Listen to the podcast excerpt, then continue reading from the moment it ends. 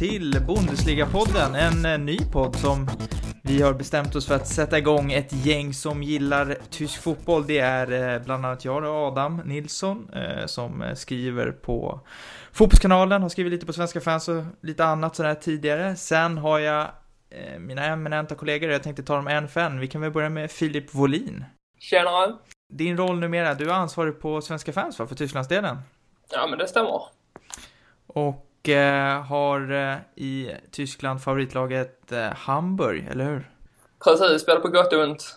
Både på gott och ont, exakt. Och Filip, han ersatte en man vid namn Andreas Holm.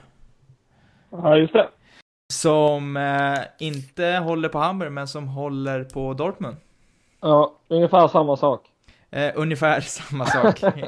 Vidare så har vi en man vid namn Erik Malmqvist.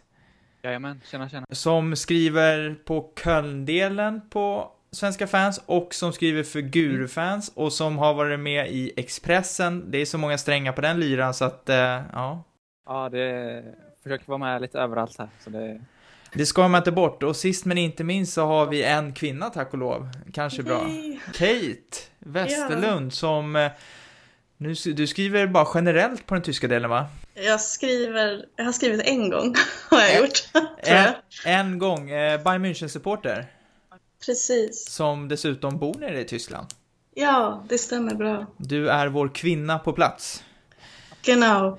Eh, och Eh, tanken är då alla lyssnare att eh, det är vi fem som kommer att eh, köra den här podden. Eh, inte alla fem varenda gång, men eh, det är de här deltagarna det kommer vara och sen kanske det dyker upp något annat namn ibland. Eh, och tanken är att podden, podden kommer att släppas en gång i veckan. Och jag tänker att vi rivstartar direkt och eh, kollar igenom den omgång som inledde våren. Och eh, där började vi med fredagsmatchen, det var Hamburg-Bayern 1-2. Sen så hade vi lördag, Köln, Stuttgart 1-3, Hannover, Darmstadt 1-2, Hertha, Augsburg 0-0, Hoffenheim, Leverkusen 1-1, Ingolstadt, Mainz 1-0, Gladbach, Dortmund 1-3 och Frankfurt, Wolfsburg 3-2 och Schalke, Bremen 1-3. Många resultat, många lag.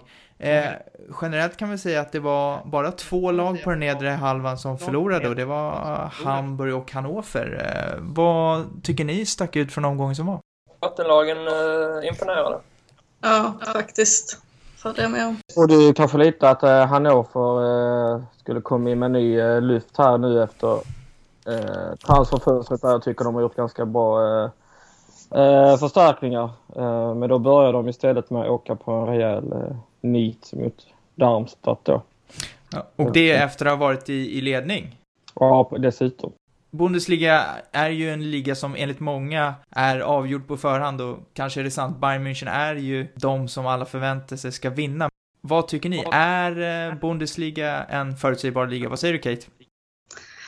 Ah, gud, jag, på sätt och vis ja, med tanke på hur extremt bra Bayern är. Men jag menar nu, har, alltså nu har ju Boateng skadats helt plötsligt och då kan jag tänka mig, med tanke på hur bra Dortmund är, så kan de faktiskt knappa in nu när Bayern mer eller mindre saknar en god backlinje, tycker jag. Ja. Så det kan bli jämnare. Vi ska prata lite mer om Boatengs skada om en liten stund. Andreas Dortmund, kommer de kunna eh, utmana Bayern tror du? Och vad säger de om förutsägbarheten med Bundesliga? Ja, hjärnan säger ju att uh, den här säsongen kommer, uh, kommer Dortmund inte komma i fatt uh, Bayern.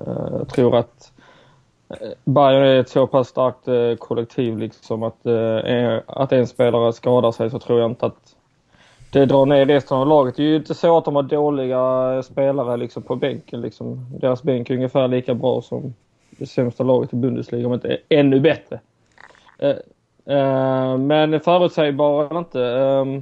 Uh, plats ett och två möjligtvis. Sen resten tycker jag bevisligen är ganska oförutsägbar faktiskt. För Filip som är Hamburg-supporter, vad, vad, vad, fick du med dig från, från Hamburg-Bayern som, som fotbollsmatch och, och hur känner du kring ändå Hamburgs säsong? Det visar väl någonstans på att ligan kanske inte är så förutsägbar nu när de ändå har klivit upp lite från tidigare två säsonger. Uh, nej men precis. Om man kollar på hur vi avslutade då hösten med var tre matcher där vi tog en poäng mot Wolfsburg och sen uh, en försäsong, eller försäsong, ett, ett vinteruppehåll med tre träningsmatcher där det bara blev förluster så kan man inte vara annat än nöjd. Men, eh, men uddamålsförlust mot Bayern där vi dessutom var riktigt nära att ta en poäng. Hur tror du, hur ser du på, på Hamburgs eh, vidare ligaspel? Det har gått rätt bra under hösten.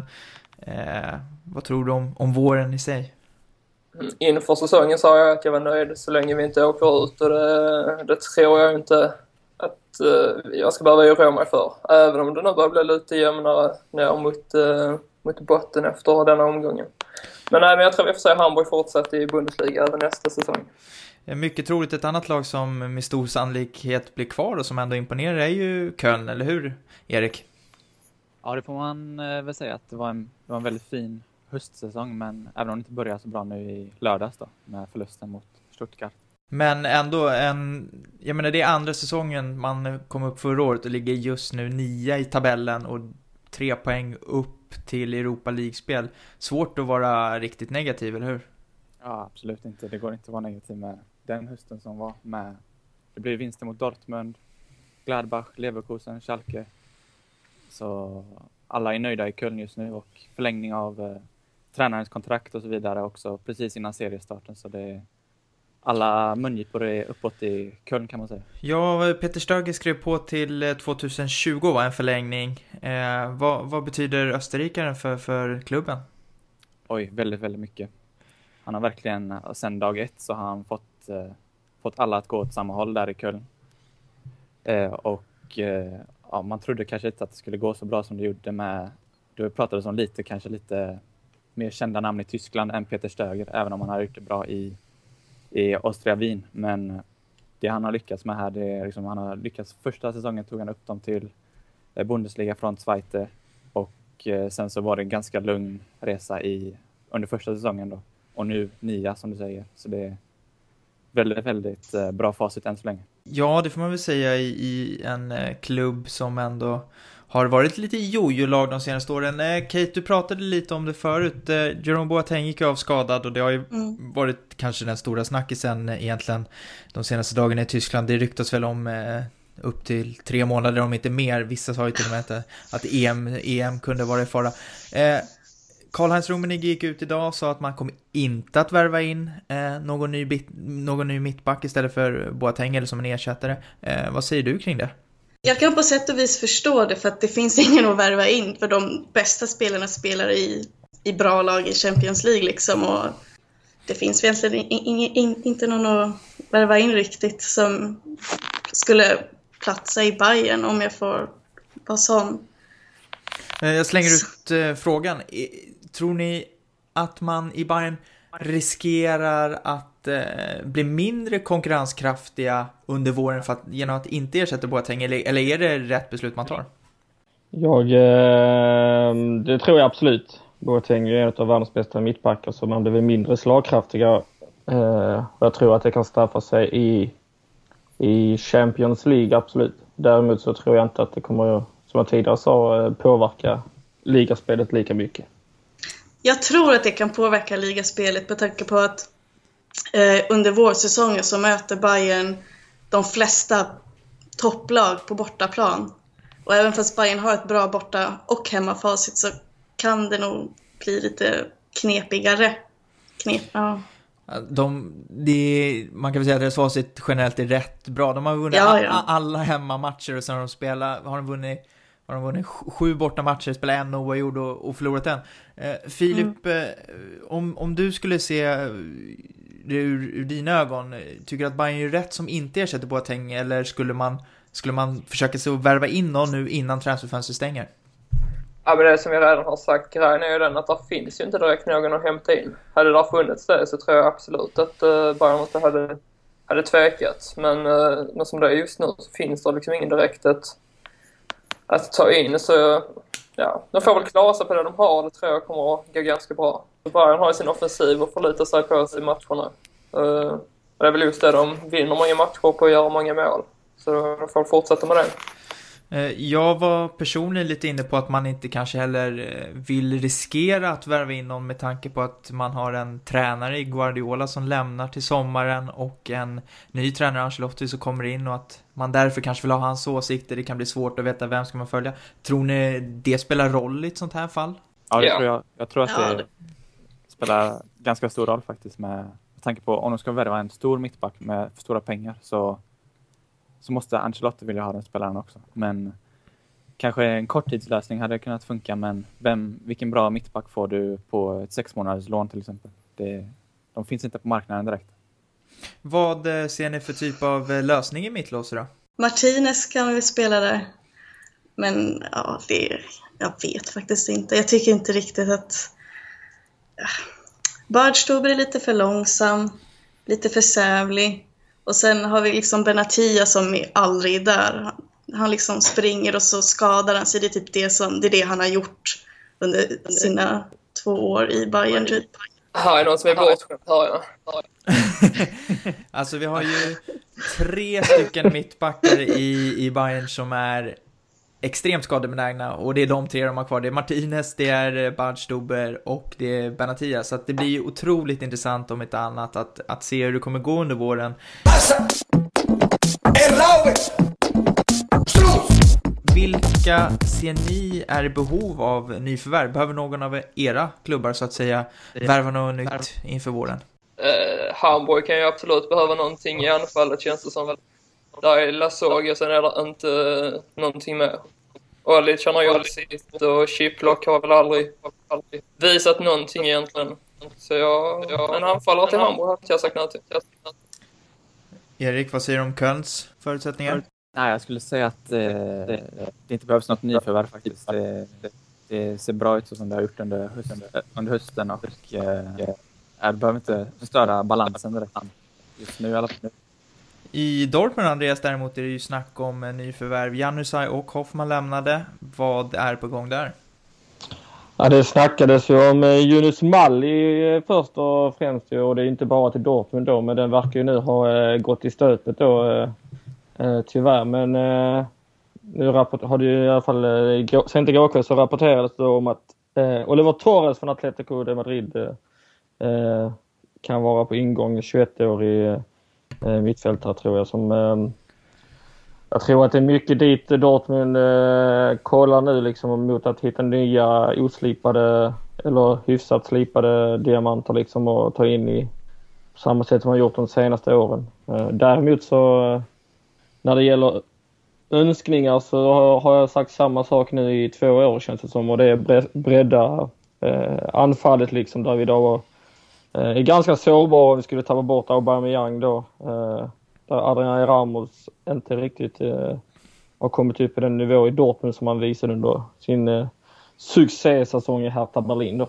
Tror ni att vi kommer få se eh, många nyförvärv de här sista dagarna? Transferfönstret stänger på måndag klockan 18. Vi har ju till exempel Hannover och Hoffenheim som båda ligger på 14 poäng, 4 poäng upp till Bremen på kvalplats. Alltså, är det läge för de här lagen att värva in något eller tror ni att det kommer hålla sig lugnt innan, innan transferfönstret stänger? Om jag får säga mitt så Hannover har redan varit aktiva på marknaden och jag tror inte att de kommer att plocka in. Det är max en spelare till. Hoffenheim däremot borde kanske se över sin trupp. Eh, för som det ser ut just nu så känns det som att de verkligen riskerar att trilla ut. Mm, jag håller med där om eh, Hoffenheim. Eh, att de skulle behöva plocka in något offensivt kanske. Det pratades ju om eh, Stefan El Sharawi. Även om det inte slutar bli någonting med det. Men en offensiv pjäs är Hoffenheim. Det hade varit något El Sharawi. Han är väl klar för eh, Roma, va? Mm, det verkar som det. Eh, jag att halsdukar. ni tror inte att eh, Jiloan Ahmad är ett nyförvärv i sig? Det verkar ju eh, som att eh, han fick en rätt bra eh, vårstart här då men eh, eh, Eh, jag tror inte att han, han känns, känns ju inte, ursäkta då Filip som är eh, Malmöbo då, men han känns inte som en eh, spelare som eh, bli, kommer att vända upp Hoffenheim till några högre trakter på egen hand liksom och jag tror precis som, som Filip och Erik sa här att eh, de behöver hitta någon eh, någon spelare, tränare till trots och, och sådär. Eh, Ja, jag tror det. Men jag tror att det kan bli en riktigt eh, svår eh, vårsäsong för Hoffenheim faktiskt. Ja, jag fick ett eh, meddelande här idag faktiskt från en eh, tysk pressfotograf som eh, följer Hoffenheim som skrev till mig att eh, eh, Hamad är väl inte på väg tillbaka till Malmö. Hon hade försökt tolka ett av mina inlägg de senaste dagarna och då skrev jag att nej, så är det inte. Och då, då tackade hon gudarna för det, för hon ville verkligen att Hamad skulle stanna trots att han har gjort tror jag, åtta eller nio insatser på de senaste två åren i Hoffenheim. Så att eh, bevisligen så har han gjort någonting rätt i alla fall. En klubb som kanske inte värvar spelare, men som ser ut att värva en ny sportchef till sommaren är ju Schalke. Horst Helter kommer att få lämna och det har varit klart sedan länge. Nu sägs det att Mainz Christian Heidel är på väg in. Eh, vad tror ni om, om det bytet? Jag tror att det är ett jättebra byte. Eh, uh, Heidel har gjort ett eh, fantastiskt jobb i Mainz uh, Eh, sen han kom dit liksom och eh, ligger bakom många av de eh, spelare och och eh, tränare får man väl säga då som har eh, vuxit fram de senaste åren. Alltså. Eh, jag tror att eh, det kan bli riktigt bra. Och Schalke känns som att de kan behöva förnya lite i sin eh, styrelse efter de två senaste säsongerna. Det har ju faktiskt kommit ut uppgifter om att det ska vara lite eh, bekymmersamt i valet av tränare. Det var nämligen som så att det kom ut att eh, Horst Held hade pratat sig glad för en Sascha Lewandowski som var i Bayer Leverkusen förut med samma Hyppia och idag i Union Berlin. Men att styrelsen och framförallt ordförande då, Clemens Tönis hade satt sig emot och pratat sig stark för André Breitenreiter. Eh, tror ni att Breitenreiters roll som tränare är hotad i ett lag, i ett Schalke som ligger just nu sexa? Nej, men alltså ett lag som Schalke, om man kollar nu, de ligger sexa i tabellen. Och det är väl inte direkt vad, vad, vad fansen förväntar sig, kan inte heller sponsorer och allting annat kring klubben. Så det är väl klart att han är hotad, men samtidigt kan jag tycka att efter den svaga höstsäsongen de gjorde, eller vårsäsongen förlåt, eh, förra säsongen då, så är det väl inte jättestora krav att ställa. Speciellt inte nu med, med skadorna. Ja, jag vet faktiskt inte riktigt, men eh, nog är han alltid hotad. Sen så är ju också Horst helt en av de personligheterna det kanske sägs att han har sagt saker som mest om hela tiden. Han, eh, det sägs att han har sagt det ena och det andra och och han är ju en ganska rak eh, person i vad han säger och sådär liksom. Så, eh, det kanske inte alltid eh, eh stämmer det som kommer ut i medierna heller.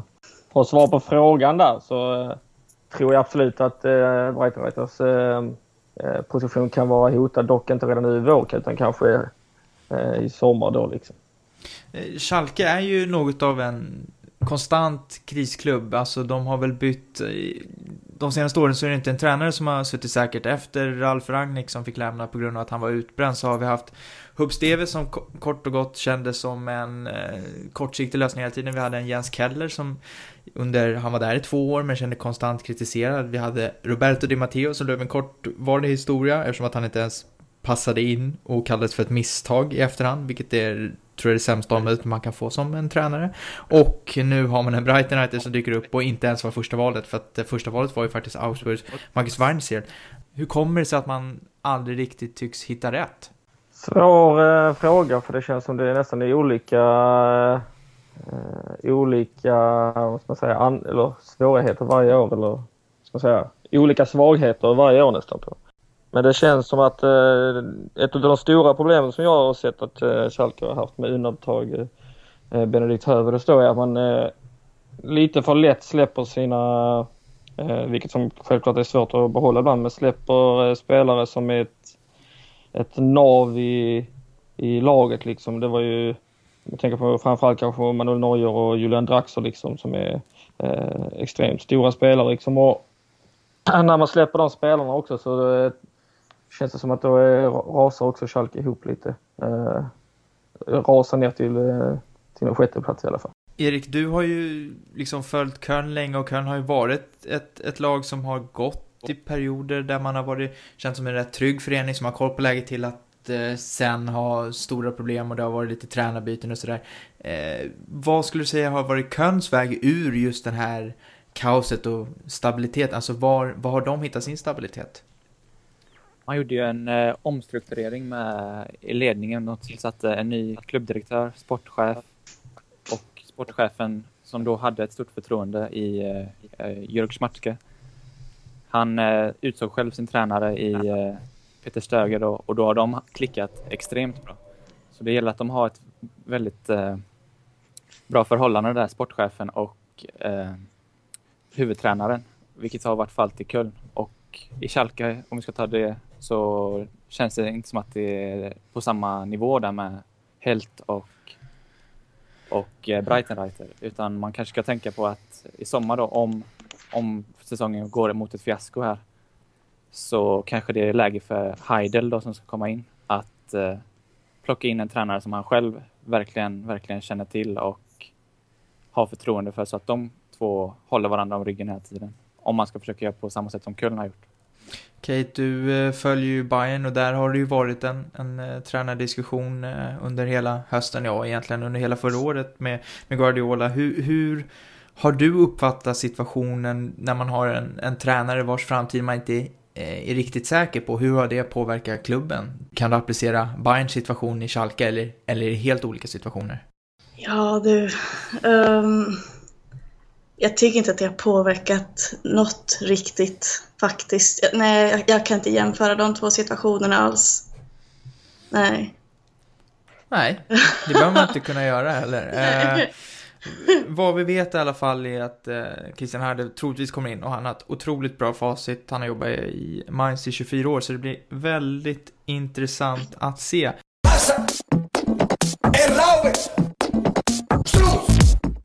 Eh, lämnar vi lite Bundesliga och jag tänkte att vi ska prata om det som har varit den någonstans eh, stora snackisen. Eh, och det är ju den så kallade pe penisskandalen i Paderborn. Där eh, spelaren Nick Proschwitz eh, sägs ha dragit ner brallorna inför en kvinna som jobbade på en sportagentur under deras eh, träningsläger i Turkiet och eh, han kommer nu inte få spela för Paderborn längre. Eh, vad har ni fått ut av den här historien? Har ni, har ni läst om det? Jag har faktiskt missat det helt, trots att jag bor i det här landet. Nej, jag, jag, nej, jag har helt missat det.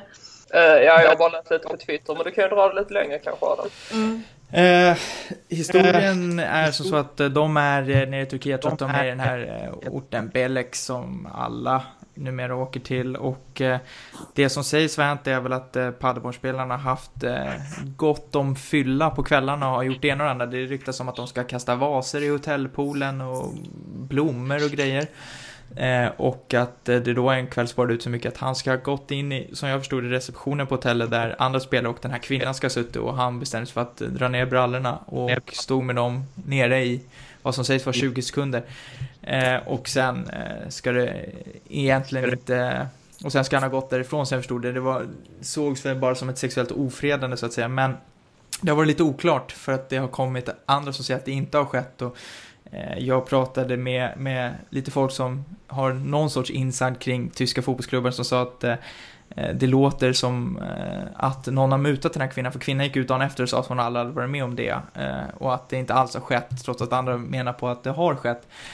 Så de åkte hem till Tyskland, det var krishantering och Paderborn bestämde sig då för att, ja, de har gått ut med att han kom, Nick Proschwitz som han heter, jag tror han är anfallare, kommer inte att få representera klubben, men det är ju en skandal på sitt sätt, bara att det blir en historia av det. Eh, vad, hur, ja, hur går man vidare från en sån här grej och hur ska man hantera det som klubb? Tycker ni att de agerar rätt i att eh, säga att han inte kommer få representera klubben längre? Jag tycker absolut det är rätt, eh, men jag tycker också det är hela, som du säger, hela situationen är extremt märkvärdig också hur ett lag som har fullkomligt trasat samman och ligger liksom på, jag tror de ligger på kvalplats neråt till Eh, till Drytteliga liksom. Att man, att man kan komma till ett, eh, eller vara på ett träningsläger liksom och, och oavsett hur det nu egentligen var, sätta sig i den här situationen liksom. Det känns som att det just nu är ganska många tankar på annat än att eh, eh rädda den här säsongen hos Visitor-spelarna. Hur går man vidare då?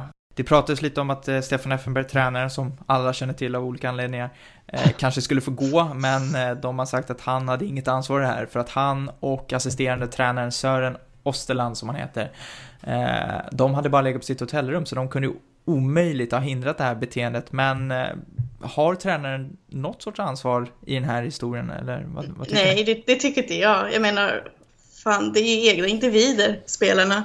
De får ju ansvara för sitt. tränarna i mitt tycke ansvarar för fotbollen och runt kring det. Men vad spelarna gör sen efteråt, det är upp till dem lite tycker jag. Om vi bara ska prata om Zweite Bundesliga i stort verkar ju alla vara överens om att eh, det har varit olyckligt det som händer och vi får väl se hur eh, det här kommer påverka Paderborns eh, säsong i övrigt. Som du säger Andreas så ligger de just nu på kvalplats, eh, tre poäng ovanför eh, 1860 München som eh, är direkt nedflyttade. Men i Zweite Bundesliga så har vi ju två topplag där som varav ett är Red Bull Leipzig eller Rasenballsport Leipzig och eh, SC Freiburg bara kort sådär. Eh, är de här två lagen vi kommer att se i Bundesliga nästa säsong? Jag tror det. Det känns som det. Det man kan säga om eh, Leipzig i alla fall är ju att de har varit, eh, och Freiburg också för den har varit väldigt jämna. Och, eh, men det enda som jag tycker är kul med att Leipzig eh, går upp, det, och det finns två saker. Det ena är att Emil Forsberg spelar och det andra är att Ralf Rangnick är, är med där. I övrigt så gläds jag inte ett dugg över att de är på väg för att visa någon form av ståndpunkt då i den här Em- diskussionen som du inte ens frågade efter. Men, Nej, eh, nej E- E- Emil Forsberg kan jag förstå i svensk synvinkel, men varför gläds du å Ralf Rangnicks vägar? Nej, men jag är ändå en spelare som, eller spelare, tränare som har liksom, eh, eh, vad ska man säga, vänt sig tillbaka liksom från eh, motgång liksom. Eh, så det är väl just den biten. Sen har jag inte mycket annars över för honom heller, men just för den biten. Jag tror eh, att eh, Leipzig de tar eh, en av platserna. Det är, jag, det är jag ganska övertygad om. Och sen så tror jag att det är lite mer öppet om den andra direktplatsen där med Freiburg, skulle jag säga. Även om de just nu då ser, är favoriter.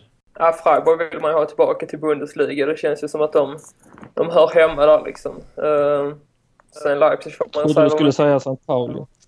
Ja, alltså jag, jag är ju lite skraj för att de ska ta steget upp. Men uh, jag tror ändå att deras, deras fina form har lagt sig lite nu.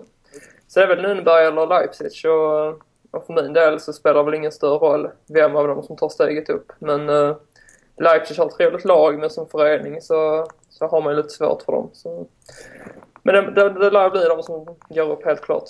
Du som Hamburg-supporter vill alltså inte se ett derby mot St. Pauli nästa säsong i Bundesliga? Nej, alltså jag har inte så bra minne från den senaste gången. Så jag, står, jag står helst över det faktiskt. Det, det var väl så att St. Pauli åkte ut, men vann båda matcherna mot Hamburg? Ja, jag minns faktiskt inte du, men uh, nästa punkt kanske. Eh, ja, nej, men eh, det, det är bra att vi andra minns, men eh, spännande blir det i alla fall i Zweite Bundesliga och vi kommer garanterat prata mer om det under våren. Innan vi eh, avslutar det här kanske, något korta men ändå kompakta, intensiva och någonstans första avsnittet så tänkte jag ändå att vi ska kolla lite på helgens matcher och Bundesliga är ju som sagt i full gång. Andra omgången av våren spelas med start på, vad blir det, fredag? Som Yes. alltid, det är ju inga konstigheter, varför ska jag inte veta det? 20.30 på fredag, Mainz mot Gladbach, vad, vad tror du om den matchen? Ja, det blir väl eh, sett till eh, vad Mönchengladbach presterade här i helgen en, eh, en chans till eh, revansch. Eh, tror, jag, ju, jag hade ju inför säsongen eh, trodde jag ju att Mainz skulle eh, sluta, gå betydligt sämre än vad de har gjort liksom men eh, eh, ja, Ja, jag tror Mönchengladbach eh, kommer eh, steppa upp här på klassisk eh, Schubert-manér då. Ja, han inleder ju väldigt bra. Nu har de spelat åtta matcher och släppt in 24 mål. Tre mål i snitt per match. Eh, Har eh, Schubert-effekten avtagit eller kommer Gladbach vara med där i toppen mot eh, slutet av våren? Ja, men de kommer ju hänga på helt klart. Det är bara att kolla på laget. Nu har de haft rätt mycket skador i försvaret så jag tror det förklarar insläppta målen. När, när de spelarna är tillbaka så, så lär det bli, så lär det bli bättre helt enkelt. Jag tror också ganska mycket på att eh, Martin Hinteregger kommer eh, vara ett eh, positivt inslag i, i Mönchengladbach. Han har varit en spelare som varit på gång till Bundesliga många gånger. Och, nu så, och lite utav en personlig favorit också innan, innan han hamnade med Mönchengladbach. Men så jag tror att just den biten tror jag att de kommer kunna arbeta uppåt här under våren.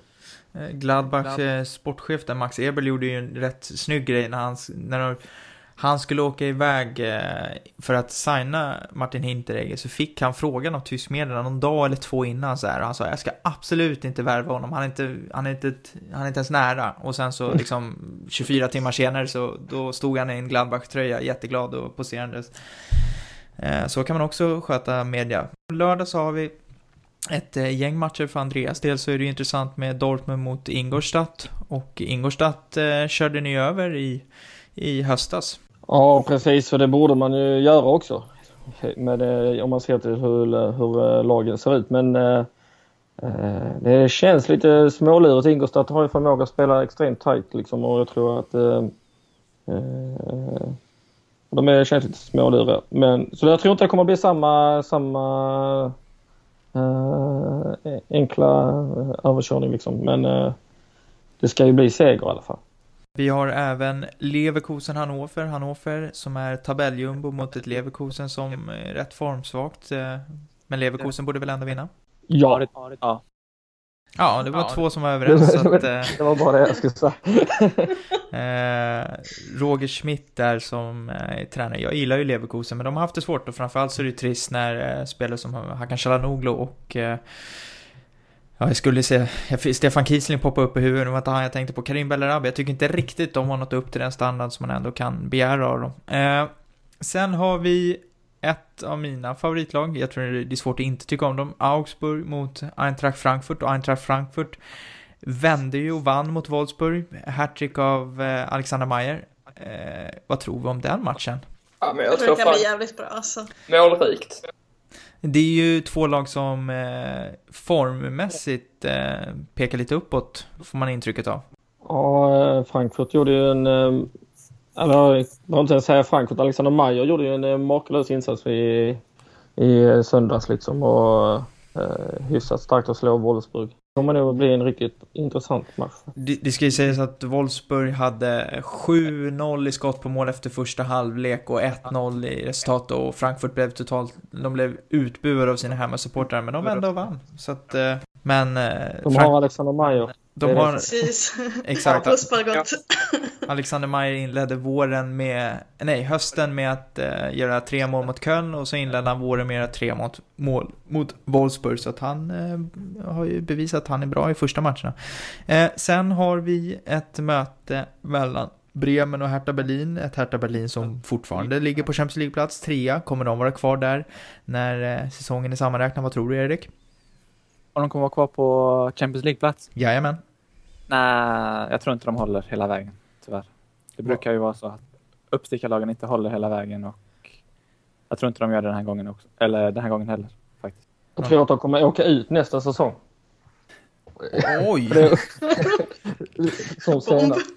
Det var... Som senast. Som senast. Uh, nej men, uh, för då gick de ju bra och sen så gick det till skogen. Uh, nej men skämt åsido så Eh, jag håller med Erik. Jag tror inte att Hertha Berlin kommer hålla riktigt hela. Men däremot så är jag ganska säker på att de kommer att ta en Europaplats.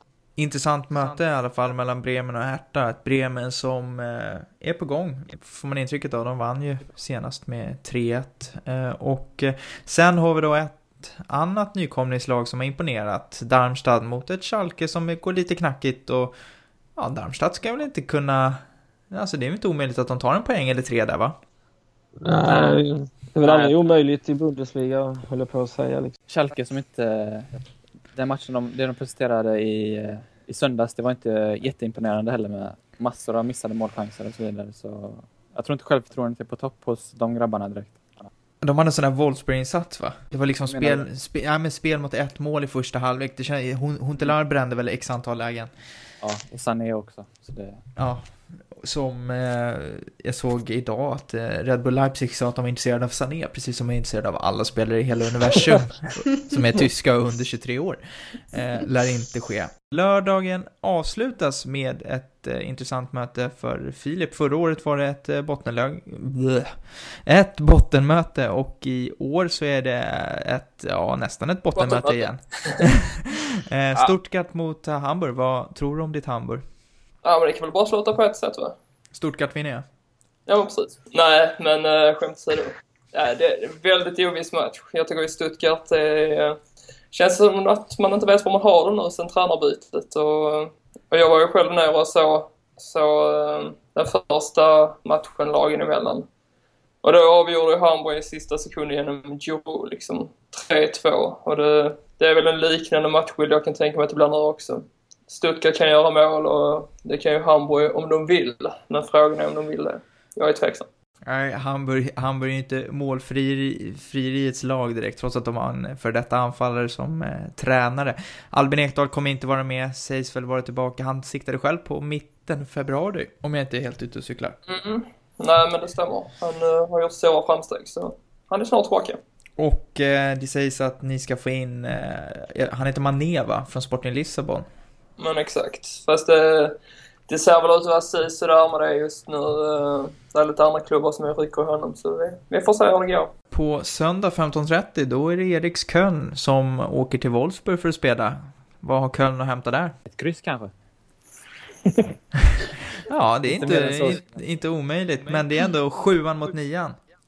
Ja, absolut, men äh, jag, jag var inte jätteimponerad av det jag såg av Köln eh, senast. Och, och Wolfsburg, de, det gick inte bra för dem heller, men de har hemmaplan, de, har, de, är, de är ett bättre lag generellt. Och så får Köln med sig ett kryss där så tror jag att alla bortafansen är väldigt nöjda. Ja, och helgen avslutas något oväntat av Bayern München som aldrig får spela sista matchen på söndagar vanligtvis. Men de ställs hemma mot Hoffenheim, Kate. Vad tror du om det, den matchen? Ja, det ska ju bli tre poäng för Bayern. Så enkelt är det. Det ska bli spännande att se dock hur, hur backlinjen ser ut då, med tanke på Boateng-skador och sådär, för att återkoppla till det. Men annars så ser jag inte hur Hoffenheim ska kunna vinna. Fast vi minns väl alla hur det gick för i, uh, i höstas? Ja, jag tycker inte vi ska prata så mycket om det nu. Det, Nej. det var det 12 sekunder eller var 9 sekunder? Det var inte det snabbaste målet till och med. Det var till och med snabbare än Belarabis förra säsongen. Ja, det Eh, och sen så brände de en straff och sen så vände Bayern och gjorde mål i den absolut sista minuten. Va? Eh, men vi har ju en rätt spännande helg att se fram emot. Eh, det här var det första avsnittet av Bundesliga-podden. Det var kul att alla kunde medverka. Och eh, som eh, vi sa i början så kommer det här eh, avsnittet att dyka upp, eh, eller det här avsnittet kommer inte dyka upp varje vecka, men eh, ett avsnitt kommer dyka upp varje vecka. Men innan eh, jag tänker att vi lämnar er lyssnare så tycker jag att ni får möjlighet att göra reklam för er själva genom att säga var man kan få tag i er på till exempel sociala medier. Om vi börjar med Andreas. Uh, ja, jag finns mest på uh, Twitter uh, under, vad var det du brukar säga Adam? Kanelbulle Andy Holm. Kanelbulle Andy Holm och sen så har vi Erik. Vad heter vi dig? Uh, ja, lättast på Twitter på att Malmqvist understreck E. Kate? Eh, också på Twitter under eh, Västerlund Kate. Västerlund med W. Och sist men inte minst, Filip. Yes, jag är som är Twittermaffian och jag heter Volin med en nolla istället för två. Och eh, jag kan väl säga det att för de som eh, lyssnar på det här och ja, vill veta mer så är det ju alltid Eh, så är alltid svenska fans värt ett besök om ni inte följer de här Twitterkontona för där kan man hitta mycket info. Och vill man skriva om tysk fotboll då är det till Filip man eh, ska höra av sig för att han eh, tar nu emot ansökningar på folk som vill skriva om det. Och jag heter Adam Nilsson och mig hittar ni på kanelbulle AT Nilsson. Och jag skriver ju för fotbollskanalen.se för de som vill läsa där och Erik sa inte det men han skriver ju stundtals för Gurufans i alla fall. Det var ett tag sedan eller? Nej, senaste texten kom faktiskt idag. Ja, då... Det, men det är lite då och då. Några gånger i veckan. Ja, det bästa är i alla fall att följa oss. Då ser ni vad vi länkar till så kommer ni kunna läsa våra texter. Vi eh, tackar för den här gången så hörs vi om en vecka.